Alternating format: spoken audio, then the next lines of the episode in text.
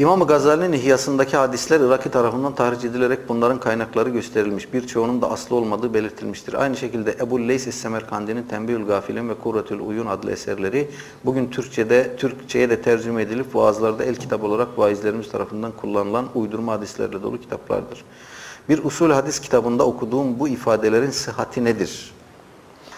Kitabın adı Hadis Usulü ve Tarihi müellifi Mehmet Ali Sönmez. Bir takım tefsir kitaplarında, bir takım tasavvufi kaynaklarda aslı bulunamamış, uydurma olarak nitelendirilmiş hadisler bulunduğu malumdur, meşhurdur, müsellemdir. Biz eee, az önce de ifade ettim, her ilmi o ilmin otoritesinden almakla mükellefiz.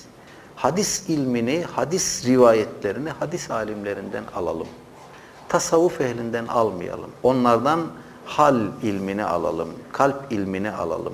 Onlar da hadis konusunda hadis alimlerine muhtaçtır. İmam Zahidül Kevseri merhum diyor ki, öyle alimler vardır ki bir ilim dalında imamdır, başka bir ilim dalında avam mertebesinde bile bilgisi olmayabilir. Bu normaldir. Biz o insanlar avamdı demiyoruz ama hadis konusundaki birikimleri bir hadis aliminin birikiminin seviyesine ulaşamayabilir. Bu normaldir. Onun için bu kaynaklardaki rivayetleri hadis alimlerinin kriterlerine vurarak alalım ya da reddedelim. Bunu yaparken de bu kitapların kıymetini düşürmeyelim. Bu kitapları gözden düşürmeyelim. Müelliflerine eee onlara göstermemiz gereken edeple bağdaşmayan bir tavır içerisine girmeyelim.